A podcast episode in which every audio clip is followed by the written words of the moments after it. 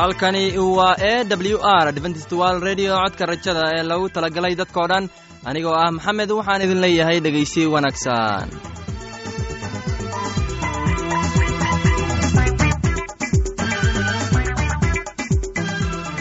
barnaamijyadeena maanta waa laba qaybood qaybta koowaad. Waxaad ku maqli doontaan barnaamijka nolosha qoyska. Uu inoo soo jeedinaya heegan kadib waxaa inoo raacaya cashar inaga imaanaya bugga nolosha. Uu inoo soo jeedin doono sulaymaan. Labadaasi barnaamij ee xiisaha leh waxaa inoo dheer heese dabacsan oo aynu idiin soo xulnay kuwaasoo aynu filayno inaad ka heli doontaan. Dhegeystayaasheenna qiimaha iyo khadradda lehow waxaynu kaa codsanaynaa inaad barnaamijkeenna si habboon u dhegaysataan. Haddii aad wax su'aalaha qabto ama aad haysid wax tale ama tusaale fadlan inala soo xiriir dib ayaynu kaga sheegi doonaa ciwaankeenna. Bal intaynan u gudagelin barnaamijyadeena xiisaha leh waxaad marka hore ku soo dhowaataan heestan daabacsan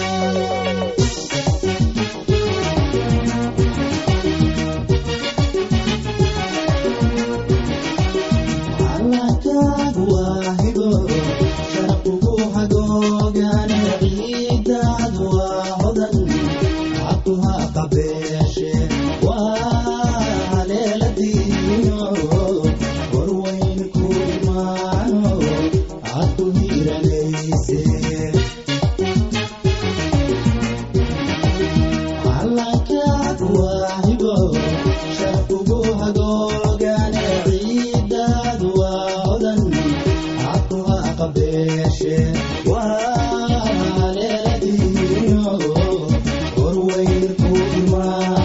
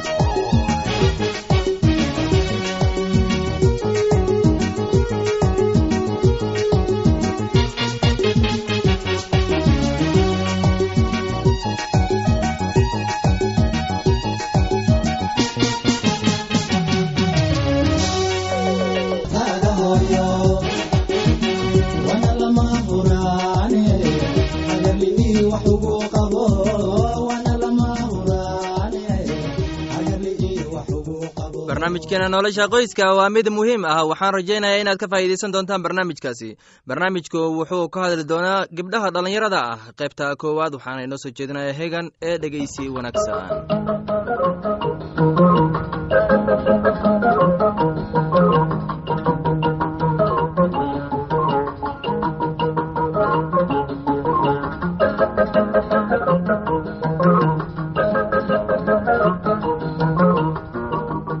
dhegeystayaasheena qiimaha iyo qaayahalahow ku soo dhowaada barnaamijkeennii nolosha qoyska. Waxaan halkaa idinka sii wadi doonaa taxanaheennii ahaa tiin age geel miyaad weliga?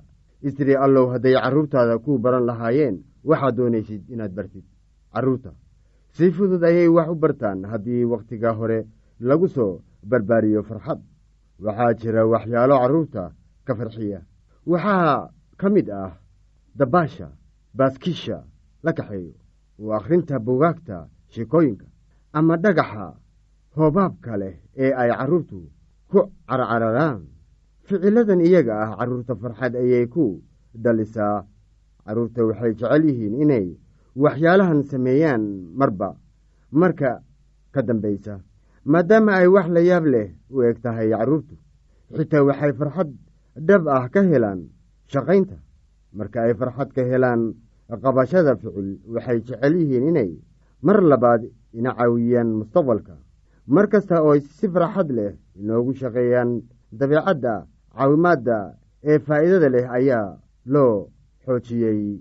Xitaa canuga saddex jirka ah waxa uu farxad ka helayaa marka uu kuwo kale wax u samaynayo. Khaasatan haddii loo qoslo oo lagu yidhaahdo waad mahadsan tahay. Waxaad u dirsan kartaa inuu kabo kaaga soo saaro sariirta hoosteeda ama weel kaaga soo qaado miiska raashinka.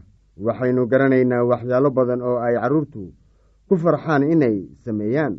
Weydiiso inuu ku sameeyo markuu samaynayo ugu mahadnaq. Marka ay sidan tahay ma baranayno oo qura sida wax loo sameeyo laakiin farxad ayuu ka helayaa sida loo sameeyo. Si fudud ayuu wax u bartaa dareenkan la dareemeeyo farxadda ayaa ah xitaa waxa dadka waaweyn ku caawiya inay aad u shaqeeyaan. Ka soo qaad in haweeney ay ninkeeda cunto wanaagsan u karisay. Haddii uu uga mahadnaqo wixii ay samaysay waxay isku dayeysaa inay mar labaad samayso. Carruurtana waa sidaa oo kale markii ay farxad iyo dherganaan ka helaan wixii ay inoo qabteen si wanaagsan ayay u baranayaan sida loo shaqeeyo xitaa haddii aanay u samayn sida aynu innaga u samayno laakiin ammaan ayay ku helayaan inay sidaa sameeyaan. Hab kale oo wanaagsan oo wax lagu barto ayaa wax waxaa uu yahay ku dayashada marka ay hooyadu ka shaqaynayso beerta oo ay falayso canuguna waxa uu soo qaadanayaa ul oo waxa uu iska dhigayaa isagana mid wax falaya isaga oo ku dayanaya iyada canuga laba jidhka ah waxa uu xidhanayaa kabaha aabbihiis oo isku dayaya inuu ku socdo. Maxaa wacay? Waxa uu arkay isaga oo gashanaya isaga ayuu ku dayanayaa gabadha. Lix jidhka ah waxay doonaysaa inay kariso shuurada. Maxaa yeelay waxay aragtay hooyadeeda oo karinaysa marar badan. Waxaana jeceshahay inay sidaa samayso. Haddii hooyada iyo aabbuhu sameeyaan waxa saxa ah carruurtana way ka baranayaan iyaga oo markaasi ku dayanaya. Waxay ku dayanayaan sida aynu u soconno u hadalno waxayna isticmaalayaan ereyada aynu isticmaalno. Way dhegaysanayaan islamarkaasi aynu la hadlayno. Deriska ha ahaado hadal qabow mid murun mid saaxiibtinimo ama mid istacayadayn ku salaysan. Sidii aynu ku dhaqannay ayay ku dhaqmayaan markii ay is khilaafaan kuwa ay la cayaarayaan. Haddii ay maqlaan innaga oo been sheegayna way inagu dayanayaan markii ay u suurta gasho. Haddii aynu nahay kuwo caro badan iyagana waxay isku dayayaan inay dabeecad ku daydaan. Dhegaystayaasheenna qiimaha iyo qaayaha lahow waxaa intaa inoogu eg barnaamijkeennii nolosha qoyska waxaan filayaa inaad si abaan u dhegaysateen casharkaasi. Haddaba haddii aad qabto wax su'aal ah oo ku saabsan barnaamijka nolosha qoyska fadlan inala soo xiriir ciwaankeenna. Waa codka rajada sanduuqa boostada afar laba laba todoba lix nairobi kenya. Mar labaad ciwaankeenna waa codka rajada sanduuqa boostada afar laba laba todoba lix nairobi kenya. Waxaa kaloo inagala soo xiriiri kartaan emeilka somali e w r at yahu dt com. Mar labaad emeilka waa somali e w r at yahu dt com. Haddana waxaad ku soo dhowaataan heestan daabacsan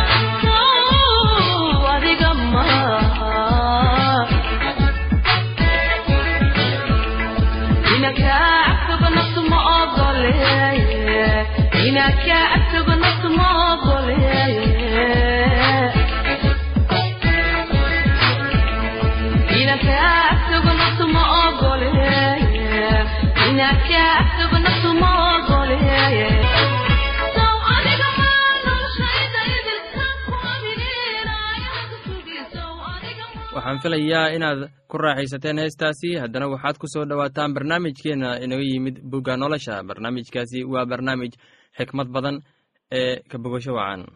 Oo malaa'igtii rabbigu waxay ku tiri iyadii bal eeg uur baad leedahay oo wiil baad dhali doontaa magaciisana waxaad u bixin doontaa ismaaciil. Maxaa yeelay rabbigu waa maqlay dhibaatadaadii oo dadka dhexdiisa wuxuu ku noqon doonaa sida dameer banjoog ah. Gacantiisu nin walba gees bay ka noqon doontaa oo nin walba gacantiisuna gees bay ka noqon doontaa isaga.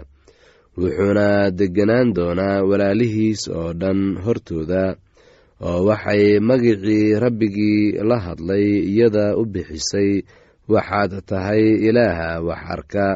Waayo waxay tidhi weliba miyaan halkan ka arkay weliba miyaan halkan ka arkay kan i arka.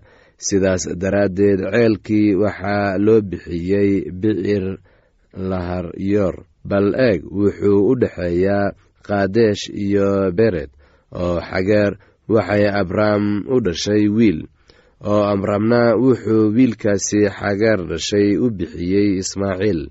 Abramna wuxuu jiray lix iyo siddeetan sannadood markii ay hagaar ismaaciil u dhashay abram oo markuu abram jiray sagaal iyo sagaashan sannadood ayaa rabbiga u muuqday oo wuxuu ku yidhi waxaan ahay ilaaha qaadirka ah hortayda ku soco oo mid eed la ahow oo axdigaygan kula dhigan doonaa oo aniguna aad baan ku tarmin doonaa markaasuu abram wejiga u dhacay oo ilaah baa la hadlay isagoo ku leh bal eeg axdigaygii waa kula jiraaye oo adigu quruumo badan baad aabbe u noqon doontaa magacaagana mar dambe lama odhan doono abram laakiin se magacaagu wuxuu noqon doonaa ibraahim. Waayo waxaan kaa dhigay quruumo badan aabbahood. Aad baanan ku badin doonaa oo quruumo baan kaa samayn doonaa. Boqorona way kaa soo bixi doonaan. Oo axdigayga waxaan ku adkayn doonaa dhexdaada iyo farcankaaga kaa dambeeyaba tan iyo qarniyadooda oo dhan waana axdi weligiis waara kaas oo ah inaan adiga ilaah kuu noqdo iyo farcankaaga kaa dambeeya oo waxaan ku siin doonaa adiga iyo farcankaaga kaa dambeeyaba dhulkii aad sodcaalka ku ahayd kaas oo ah dalka kancaan oo dhan inuu idiin ahaado hanti aad weligiin lahaataan. Aniguna waxaan ahaan doonaa ilaahood oo ilaah wuxuu ibraahim ku yidhi adigu waa inaad axdigayga xajisaa adiga iyo farcankaaga kaa dambeeyaba tan iyo qarniyadooda oo dhan kan waa axdigayga aad xajin doontaan oo inoo dhexeeya aniga iyo adiga iyo farcankaaga kaa dambeeyaba mid kasta oo lab oo idinku jira waa in la gudaa oo waxaad iska gudi doontaan buuryadiinna. Waxayna calaamo u noqon doontaa axdiga ina dhex yaal aniga iyo idinka. Kii siddeed maalmood jira oo idinku dhex jira waa in la gudaa mid kasta oo labtan iyo qarniyadiinna oo dhan. Ha ahaado kii gurigaaga ku dhashaa ama kii lacag lagaaga soo iibsado shisheeyahana oo aan farcankaaga ahayn. Kii gurigaaga ku dhashaa iyo kii lacagtaada lagu iibsadaba waa in la gudaa. Axdigayguna wuxuu jidhkiina ku noqon doonaa axdi weligiis waara oo buuryaqabka lab oo aan buuryadiisa laga gooyin. Midkaasu waa ka go'i doonaa dadkiisa waayo axdigaygii buu jebiyey. Oo ilaah wuxuu ibraahim ku yidhi naagtaada saarayna magaceeda waa inaadan ugu yeerin saaray laakiinse magaceedu wuxuu ahaan doonaa saara oo iyadan barakadayn doonaa oo weliba wiil baan kaa siin doonaa iyadan barakadayn doonaa oo waxay weliba ku dhali doontaa wiil oo wiil oo waxay noqon doontaa quruumo hooyadood.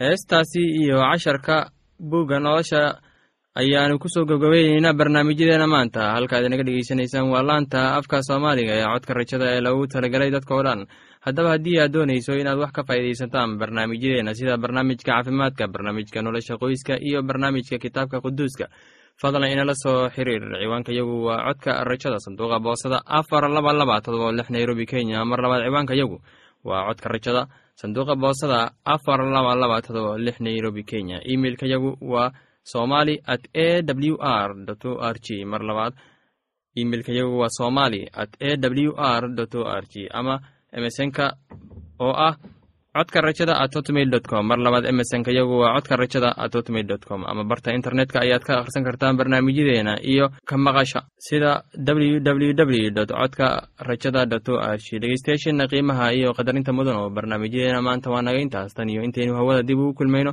waxaan idin leeyahay sidaas iyo ammaano allah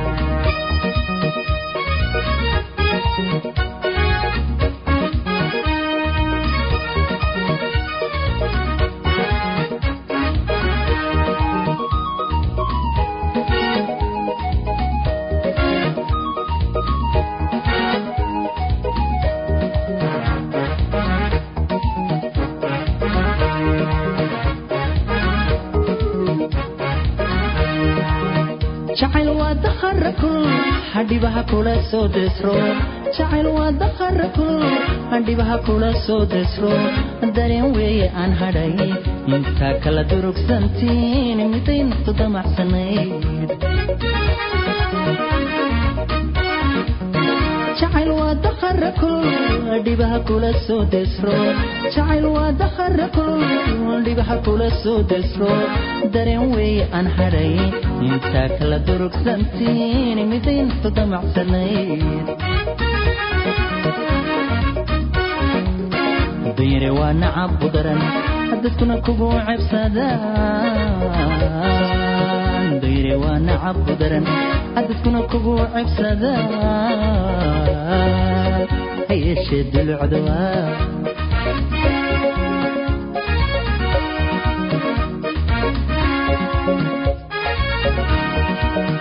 dulucda waa nacab u daran dadkuna kugu cebsadaan